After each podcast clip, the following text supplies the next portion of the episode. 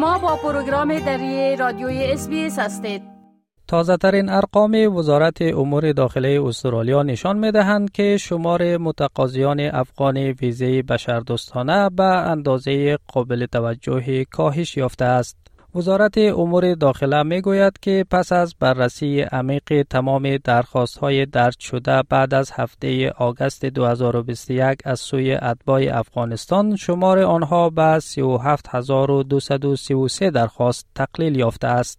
بر بنیاد آمار این وزارت قریب به 174 هزار نفر شامل این درخواست ها می شوند. مطابق این آمار بروز شده وزارت داخله تا اکنون 3739 درخواست را که شامل حدود 145 هزار نفر می شوند در سیستم خود ثبت کرده و به آنها شماره پرونده داده است. اما به 2209 درخواست دیگر که شامل حدود 9900 نفر می شوند هنوز شماره پرونده داده نشده است. این در حال است که تا اواسط ماه نوامبر وبسایت وزارت داخله نشان می‌داد که بیش از 214 هزار شهروند افغانستان در قالب بیش از 47 هزار درخواست از استرالیا تقاضای پناهندگی کرده بودند. اما وزارت داخله اکنون می گوید که پس از بررسی عمیق پرونده های درج شده درخواست های نامعتبر تکراری و غیر افغانی را از میان آنها حذف کرده است. استرالیا در مجموع 26500 ویزه پناهندگی و بشردوستانه و 5000 ویزه خانوادگی را طی چهار سال به اتباع افغانستان اختصاص داده است. اگرچه در نتیجه پاکسازی اخیر وزارت داخله کاهش قابل توجهی در شمار متقاضیان افغان پناهندگی در استرالیا آمده ولی هنوز هم شانس پذیرفته شدن آنها بسیار کم خواهد بود.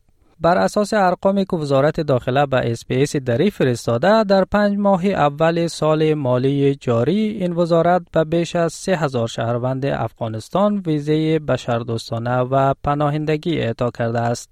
همچنین در سال مالی گذشته که شامل دوره کوتاه قبل از سقوط کامل افغانستان به دست طالبان هم می شود بیش از 5000 ویزه بشردوستانه به اتباع افغانستان اعطا شده بودند با این حساب از مجموع 26500 جایگاه اختصاصی برای افغانها حدود 8000 آنها تا اکنون استفاده شده اند و برای ده ها هزار نفری که هنوز منتظر رسیدگی به درخواست های پناهندگی خود هستند تنها حدود 18500 ویزه دیگر باقی ماندند.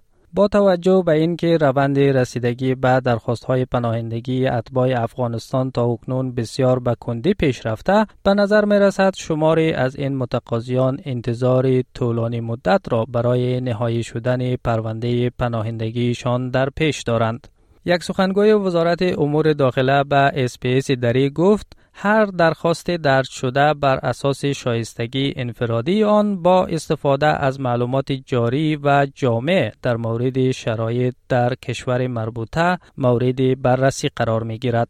در عین حال این وزارت می گوید که اتباع افغانستان می توانند از مسیرهای موجود دیگر نیز برای به دست آوردن ویزه استرالیا استفاده کنند. این سخنگوی وزارت داخله اضافه کرد اتباع افغانستان همچنین بسته به شرایط خود می توانند مسیرهای مهاجرتی دیگر به استرالیا را دنبال کنند که از آن جمله می توان به برنامه حمایت اجتماعی، برنامه آزمایشی کاری پناهندگان ماهر، برنامه خانوادگی و دسته های ویزه های مهارت اشاره کرد. از سوی دیگر در بخش خانوادگی بین یک جولای 2021 و 31 اکتبر 2022 در مجموع 2443 ویزه به شهروندان افغانستان اعطا شدند که اکثر آنها ویزه های موقت همسر یا ازدواج احتمالی بودند. بپسندید، شریک سازید و نظر دهید. اسپیس دری را در فیسبوک تعقیب کنید.